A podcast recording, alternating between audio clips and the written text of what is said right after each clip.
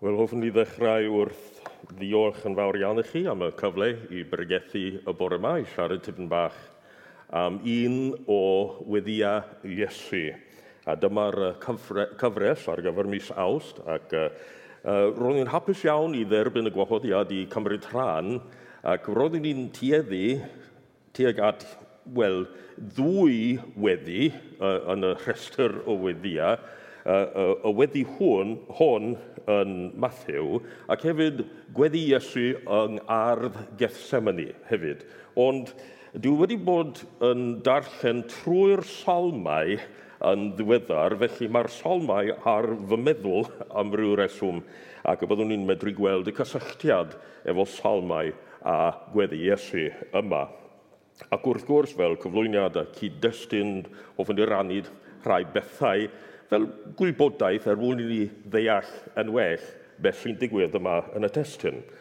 Ac wrth gwrs mae'r weddiau hun yn cael ei ffeindio yn yr yfengil yn ôl Mathew, penod 27 ac adnod 46.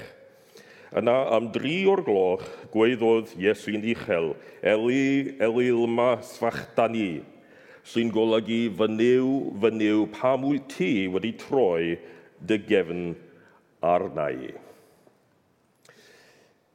I mi, yn bersonol, ac i lawr ohono ni, dwi'n meddwl, mae'r weddi yma yn anodd. Mae'n anodd pan da ni'n clywed geiriau fel hyn, bod Iesu yn dweud fel, fel gweddi, fy niw, fy niw, pam wyt ti wedi troi dy gefn arna i? mae'n llawn pathos, yn llawn tristwch, poen, gwewyr, ac hyd yn oed anobaith Iesu yn y testyn yma, o lea ar olwg cyntaf. Dyma beth da ni'n meddwl. Dydy hwn ddim yn swnio fel Iesu. Y Iesu bod ni'n gweld yn yr efengylau. Fy new, fy new, pam wyt ti wedi troi dy gefn arna i. Mae'r weddifer yma yn un o saith gair ola Iesu ar y groes. Ac wrth gwrs, da ni'n siarad am y saith gair ola Iesu um, cyn y Pasg, er enghraifft. Ac mae'r testyn yma heddiw yn Matthew, a, mae, a da ni'n ffeindio'r un testyn yn yr efengil yn ôl Marc, yn y pedwerydd o'r saith gair ola Iesu.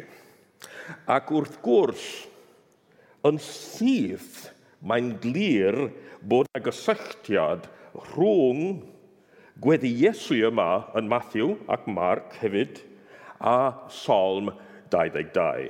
Mae'r mae cysylltiad yma yn glir iawn ac y byddwn ni'n edrych ar beth sy'n digwydd yma uh, nes ymlaen.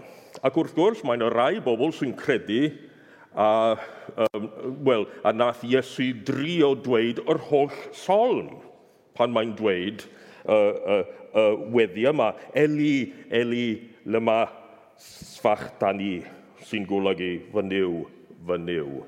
Pam wyt ti wedi troi dy gefn arna i?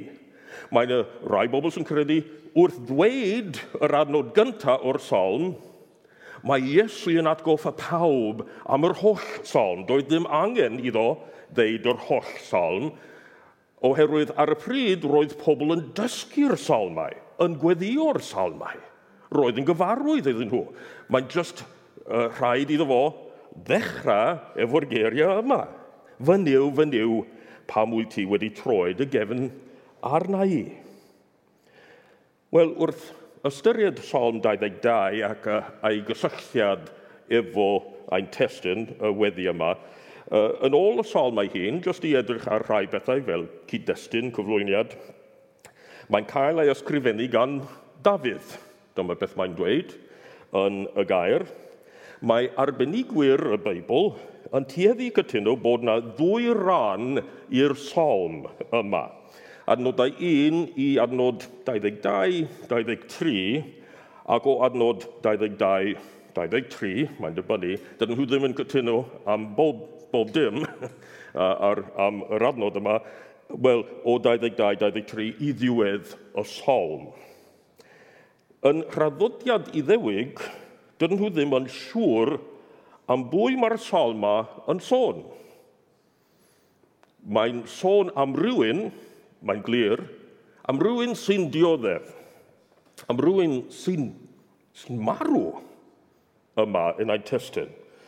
Mae mwyafrif o bobl o draddodiad iddeweg yn credu bod y brenin Dafydd yn siarad amdano'i hun yma. Ac wrth gwrs, roedd gan Dafydd lawr o broblemau efo gelynion.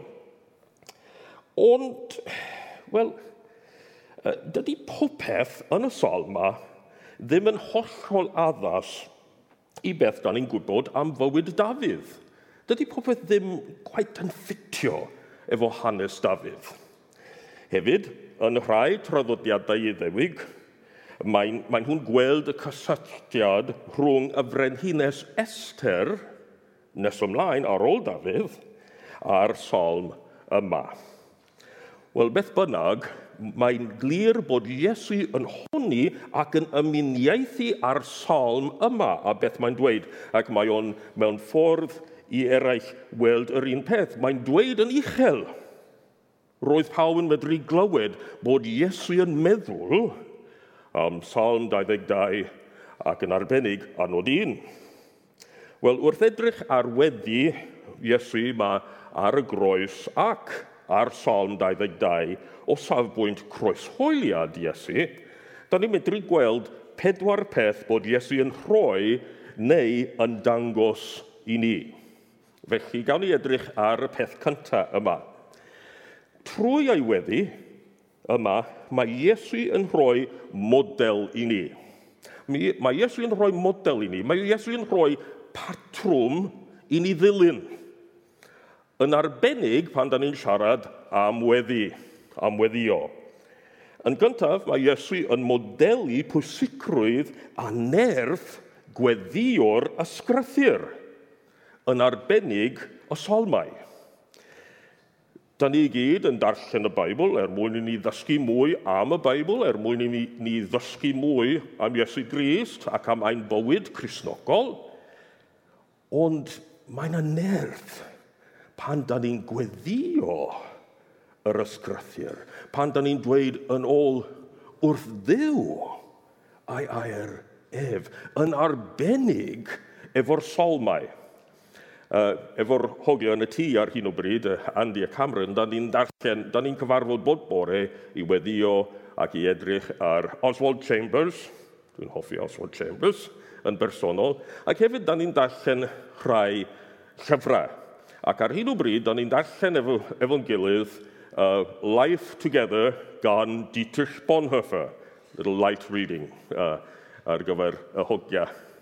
Uh, bob bob dydd, a da ni'n trafod y peth unwaith yr wythnos. Ond mae, mae Bonhoeffer yn siarad llawer am bwysigrwydd gweddio o salmau. Ddim dim ond yn breifat ar ein pennau ninain, ond fel cymuned ffydd hefyd. Felly mae Iesu yn dangos i ni beth mae'n golygu i weddio'r salmau. Mae'n defnyddio'r salmau yma fel gweddi. Ac hefyd, mae Iesu yn modelu rhywbeth arall. Mae Iesu'n modelu pwysigrwydd gwnestrwydd mewn gweddi. Weithiau yn ein gweddiau ni, da ni ddim yn onest iawn. Da ni'n gweddio fel da ni'n credu bod ni'n medru cuddio rhywbeth. A da ni'n anghofio bod Dyw yn gwybod pob peth. Mae'n amhosib i ni guddio dim byd, felly mae'n well i ni fod yn onest. Mae Iesu yn mynd trwy profiad ofnadwy. A mae ei weddi yn onest. A mae'n rhaid i ni weddio yn onest. Pan da ni ddim yn deall beth sy'n digwydd, da ni'n medru gweddio, da ni'n medru siarad efo Dyw ac yn dweud, dwi ddim yn deall beth sy'n digwydd, mae angen help. Help a fi o ddiw. Sgan i ddim syniad beth i wneud. Rhoi doethineb i mi. Rhoi cyfeiriad i mi. O ddiw. Wel, mae'n rhywbeth arall. Y peth, y, y, yr ail beth yma. Trwy ei weddi, mae Iesu yn ymuniaethu efo ni, yn dod yn un efo ni, un efo ein profiad ni. Mae'n ddau beth uh, yn y testyn fy mod i'n dymuno egluro tipyn bach mwy. Yn gyntaf, mae Iesu yn dyfynnu Psalm 22 yn Aramaeg, ddim yn Hebraeg. Mae'r Psalm yma wedi cael ei ysgrifennu yn Hebraeg, ac wrth gwrs mae fersiwn Matthew e, efo mwy o ddylanwad Hebraeg wreiddiol arno, ond mae yn, yn Aramaeg. Ond beth mae hwn yn golygu? Pan da ni'n siarad am Iesu sy'n dymuno ymuniaethu uh, yn, yn dod yn un efo ni. Wel, mae'n defnyddio'r iaith bod pawb yn gwybod, bod pawb yn ddeall. Wrth gwrs, uh, yn ôl traddodiad liturgiaidd, roedd pawb yn deall y psalm yn y, y reiddiol hebraeg, ond mae yna rhywbeth pwerus yma am Iesu ddefnyddio fersiwn aramaeg. Yr iaith bod pobl yn defnyddio o ddydd i ddydd. Mae'n dod â'r profiad i lawr i fod yn rhywbeth nerthol yn meddwl ac yng nghalon y bobl sy'n gwrando ar ei weddi. Hefyd, trwy ei weddi onest yma, yn ystod ei ddioddefaint, Mae Iesu yn dangos fod ef yn un ohono ni. Mae Iesu yn un ohono ni. Mae natur Iesu yn anodd i ni ddeall weithiau. Pan da ni'n meddwl bod Iesu yn unigryw, bod Iesu yn ddew cant a cant, ac ar yr un pryd yn ddyn cant a cant. Mae hwn yn anodd iawn i ni ddeall hwn. Mae'n anodd iawn i ni gadw'r cydbwysedd rhwng diwdod Iesu a dynoliaeth Iesu. Mae yn anodd i ni, mae'n mae, well, mae anodd i ni weithiau feddwl am sut mae hwn yn bosib a sut mae hwn yn gweithio allan ym mywyd Iesu ac yn ein bywydau ni. Mae gweddi Iesu yma yn broblematig. Felly, pan da ni'n meddwl am ddiw dod Iesu, a mae pobl yn gofyn y cwestiwn yma, uh, sut mae'n bosib i ddiw droi a gefn arno ei hun? Sut mae hwn yn bosib? Sut, sut mae'n bosib i Iesu dweud hwn? Wel, yn draddodiadol, yn draddodiad uh, Cresnogol Efengalaidd, Da ni'n delio efo'r broblem mae wrth egluro bod Iesu ar y groes yn derbyn pechodau'r byd arno'i hun. A dydy'r tad nefol a sanctau ddim yn edrych ar bechod. Ac wrth gwrs mae pobl fel Paul yn dweud pethau sy'n cefnogi'r syniad yma. Ail Corinthiaid penod 5 ac adnod 20. Naeth Iesu ddim pechu, ond dyma Dyw yn ei wneud o'n offrwm dros bechod ar ein rhan ni. Ac hefyd yn, yn Galatiaid, penod 3 ac anod 13, roedd y gyfraith yn ein melltithio ni. Roeddwn ni i gyd yn gaeth. Ond wedyn daeth y Mesoea a thalu'r pris i'n gollwng ni'n rhydd. Cafodd o ei felltithio yn ein lle ni fel mae'r ysgrifau santaidd yn dweud, mae pawb sy'n cael ei crogi ar, ben, ar bren wedi melltithio. Ond beth bynnag bod ni'n credu am ystyr hon o safbwynt Dyw dod Iesu, hoffwn ni droi at natur ddynol Iesu yma yn y testyn. Mae'n rhaid i ni gofio bod Iesu yn mynd trwy wewyr y croeshoeliad fel bod dynol, fel person, fel un ohono ni. Naeth Iesu deimlo'r un poen, fel unrhyw un ohono ni sy'n cael yr un profiad, croeshoelio. Mae'n teimlo'r un dioddefaint, fel unrhyw un ohono ni, yr un wewyr, fel unrhyw un ohono ni. A dwi'n siŵr os uh, baswn i'n mynd trwy'r un profiad, baswn i'n gofyn cwestiynau. O ddew, lle wyt ti? A mae Iesu yn ei ddynoliaeth yn dweud y peth sy'n naturiol ei ni ddweud yn yr un lle, yn yr un profiad. Mae'n ymuno â ni, mae'n uh, ymuniaethu efo ni yn y weddi yma. A da ni'n cyrraedd y trydydd peth yma. Trwy ei weddi, mae Iesu yn calwnogi a chysuro ni. Mae'n rhoi anogaeth i ni. Ac wrth gwrs, mae, mae hwn yn anodd iawn i ni gredu ar olwg cyntaf, sut mae hwn yn bosib. Mae'r hanes yma, mae'r stori yn drist. Mae'n ofnadwy. Mae'n ofnadwy pan da ni'n gweld beth sy'n digwydd efo'r person, y Messiah, yma yn Salm 22, ac hefyd efo Iesu ar y groes yn Matthew ac yn yr efengylau eraill. Wel, sut mae Iesu yn rhoi anogaeth i ni trwy ddefnyddio'r solm yma? Wel, dwi'n meddwl bod Iesu yn rhoi anogaeth i'r disgyblion ac i ni hefyd trwy dangos cyflawniad proffwydoliaeth yr Hen Testament – ynglyn â'r Messiah. Wrth ddweud y solma, ac wrth gwrs hyd yn oed efo'r adnod cyntaf, mae bobl yn meddwl am yr holl solm. Ac mae'n dechrau gwneud beth da ni'n dweud, connect the dots. Rhwng beth da ni'n ffeindio'r yn y Hen Testament – beth sy'n digwydd ar hyn o bryd. Ac wrth gwrs, wrth gwrs doedd y disgyblion ddim yn deall yn, yn llwyr beth sy'n digwydd. Hyd yn oed, nath Iesu siarad sawl gwaith am ei farwolaeth ac am ei atgyfodiad. Dydyn nhw ddim yn gweld beth sy'n digwydd. Dydyn nhw ddim yn medru connect the dots eto. Wel, roedd y mwyafrif ohonyn nhw i ffwrdd. Doedden nhw ddim yno pan uh, gaeth Iesu ei groeshoelio. Dim ond Iowan, uh, mae'r ei, uh, ei, fa, uh, ei fam ac rhai o'r merched.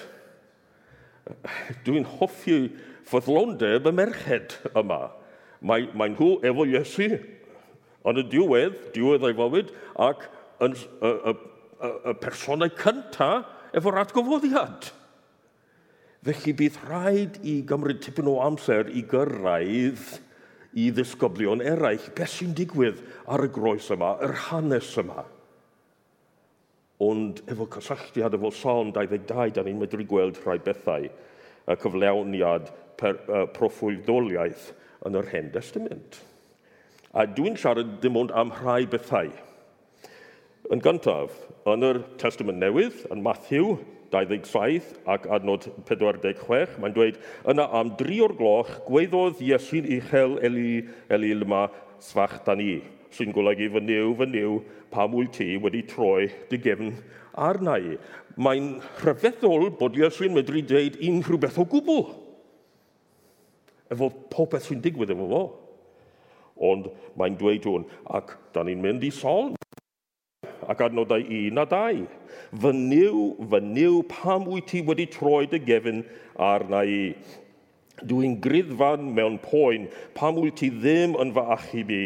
Fy niw, dwi'n galw arna ti drwy'r dydd, ond ti ddim yn ateb. Dwi'n dal ati drwy'r nos heb orffwys o gwbl. Mae'n ddiddorol iawn ar y dydd yma pan caeth Iesu a'i grosfolio roedd yn ddydd ac yn nos ar yr un pryd. A da ni'n medru gweld cyflawniad Psalm 22 a nodau yma yng nghrwysweliad Iesu Grist. Yr ail beth yn y Testament Newydd, da ni'n darllen Matthew, penod 27 ac anod 39. Roedd y bobl oedd yn pasio hebio yn gwneud sport am ei ben ac yn hyrddio enllibion ato. A mae Beibl Cymraeg newydd yn, yn cyfieithu'r un peth fel hyn. Y roedd y rhai oedd yn mynd hebio yn ei gablu ef yn ysgwyd a'i pennau. Mae hwn yn digwydd yn ostod croeshoeliad Iesu. Iesu. Ond dyma beth mae Psalm 22 ac adnod 7 yn dweud. Dwi'n destyn sport i bawb, maen nhw'n gwneud ystumiau arna i ac yn ysgwyd a'i pennau. Mae'n fel uh, y solmydd yn, yn wneud report yn fyw o'r croesoliad trydydd peth yma, yn Matthew 27 ac adnod 43, mae'n dweud, mae'n dweud ei fod yn tystio Dyw, gadewch i ni weld Dyw yn ei achub o, ond nid oedd o'n dweud ei fod yn fab Dyw. Ac yn Mark, penod 15 ac adnod 29, i 30, mae'n dweud, roedd y bobl oedd yn pasio hebion gwneud sport am ei ben ac yn hyrddio enllibion ato. Felly ti sy'n mynd i ddinistrio deml a'i hadeiladu eto o fewn tri diwrnod, tir dyn dy flaen a chyb dy hun oddi ar y groes yma. A son 22, adnod 8, Rhoes a'i achos i'r arglwydd, bydded iddo ef a'i achu, bydded iddo ef a'i waredu oherwydd y maen a'i hoffi. Dyma beth mae pobl yn dweud amdano. A, a mae, mae pethau yma yn dod dim ond o Psalm 22. Dyma un rheswm pam mae Iesu yn dweud hwn. Psalm 22. Y y pumed peth, pan da ni'n meddwl am y croeshoeliad ei hun. Dydy'r efengelau ddim yn rhoi lot o fanylion am broses croesholio. Mae'n rhoi lot o fanylion am hanes Iesu, ond gan bobl arall, trwy hanes, da ni'n gwybod mwy am be ddigwyddodd mewn gwirionedd pan mae rhywun yn cael ei groeshoelio. Ac hyd yn oed bobl modern sy'n edrych o safbwynt meddygol am beth sy'n digwydd pan mae rhywun yn cael ei groesholio. Yn gawn ni edrych ar Salm 22, penod, adnodau 14 i 15. Ydy hwn yn swnio fel croeshoeliad i chi y rwyf wedi fy ni hysbyddu fel dŵr, am holl esgyrn yn ymddatod, y mae fy nghalon fel cwyr ac yn toddi o mewn, y mae fy ngheg yn sych fel cragen am tafod yn glynu wrth daflod fy ngennau, y rwyt wedi fy mwrw i lwch marwolaeth. Mae'n swnio am beth da ni'n gweld yng nghroeshoelad Iesu. Y chweched peth, da ni'n troi unwaith eto i'r testament newydd. Yn yr yfengil yn ôl Iowan, penod 19, adnod 34, 34 mae'n dweud, dyma un o'r milwyr yn trwanu Iesu yn ei ochr gyda uh, gwawr gwawffon, a dyma dŵr a gwaed yn llifo allan ac nes ymlaen yn adnod 37, ac fel mae'n dweud yn rhywle arall, bydda'n hwn edrych ar y un mae'n hw wedi drwanu. Ond mae Psalm 22, adnod 16 yn dweud, Mae cwn wedi casglu o'n cwmpas criw o fwlus yn cael amdana i ac yn fynal i lawr gerfydd fynwylo am traed. Ac mae Beibl Cymraeg newydd yn cyfieithu'r un peth fel hyn. Y mae cwn o'm hamgylch haid o ddihirod yn cael amdanaf, y maent yn trywanu fy nwylo am traed. A da ni'n medru gweld yr un peth efo Zacharia, y proffwyd Zacharia, uh, penod 12, anod 10. Byddai'n tywallt ar deulu brenhinol Dafydd a phobl Jerusalem awydd i brofi heilion i Dyw a'i faddeiad wrth edrych arna i yr un mae'n hwn wedi drywanu. A dyma beth mae Iowan yn, yn sôn amdano nes ymlaen. Y seithfed peth efo proffidoliaeth yma yn y Testament Newydd, da ni'n gweld yn Matthew 27 ac adnod 35. Ar ôl ei hoelio ar y groes, dyma nhw'n gamlo i weld pwy fyddai'n cael ei ddillad. A mae hwn yn cael ei dangos ym mhob un o'r pedwar efengil, yn Matthew, Mark, Luke a Iohann a Psalm 22 adnod 18, mae nhw'n rhannu fy nillad rhyngddyn nhw ac yn gamlo am fy nghrys.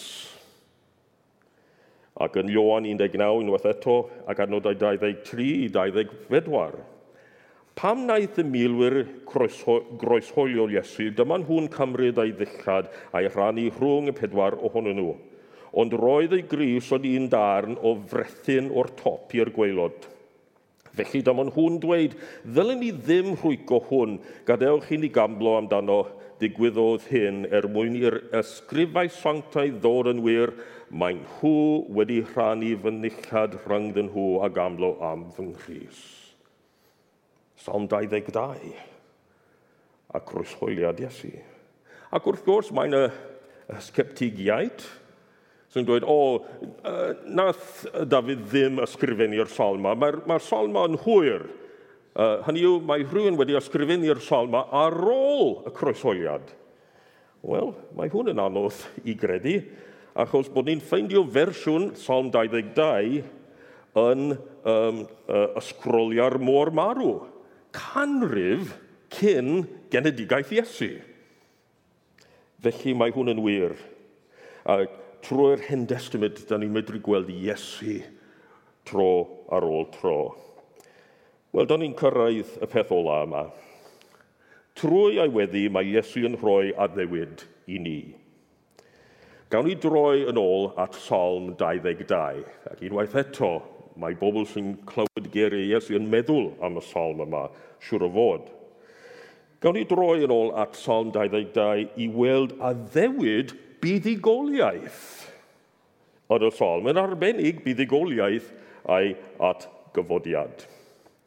Mae rhan gyntaf y psalm yn sôn am rywun sy'n dioddef, am rywun sy'n marw. Ond yn sydyn, yng nghanol y psalm, mae gweddill y psalm yn moli diw am ei ddaioni ac achubiaeth. Mae'n llun o'r atgyfodiad. Yn un rhan, mae'r person yn marw, ond yn sydyn mae'n fyw. Da ni'n medru gweld yn y sol mae hi'n llun yr atgyfodiad. Ac da ni'n medru gweld pethau eraill yn y testyn. Bydd na dystiolaeth, buddigoliaeth yr un a ddioddefodd i Israel. Psalm 22 ac anod 23. I e chi sy'n addoli'r arglwydd canwch fawl iddo, chi ddisgynyddion Jacob anrhydeddwch o, chi bobl Israel i gyd safwch o'i flaen mewn rhyfeddodd. Ac yn y testament newydd, actau 2 ac adnod 36 am rhegeth Pedr, mae'n dweud, Felly dwi am i Israel, Israel gyfan ddeall hyn. Mae Dyw wedi gwneud yr, yr Iesu naethoch chi a'i grosholio yn arglwydd a Messiah. Bydd na dystiolaeth buddigoliaeth yr un a ddioddefodd i'r cenhedloedd hefyd.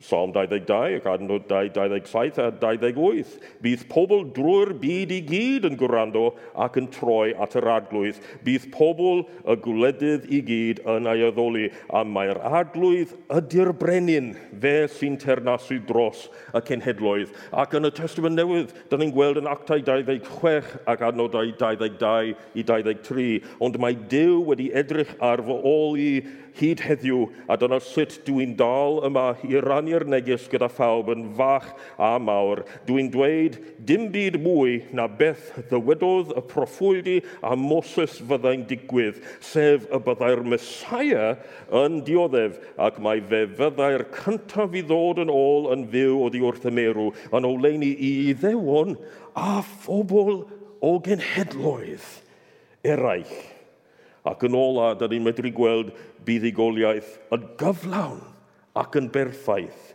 yn beth sy'n digwydd yma.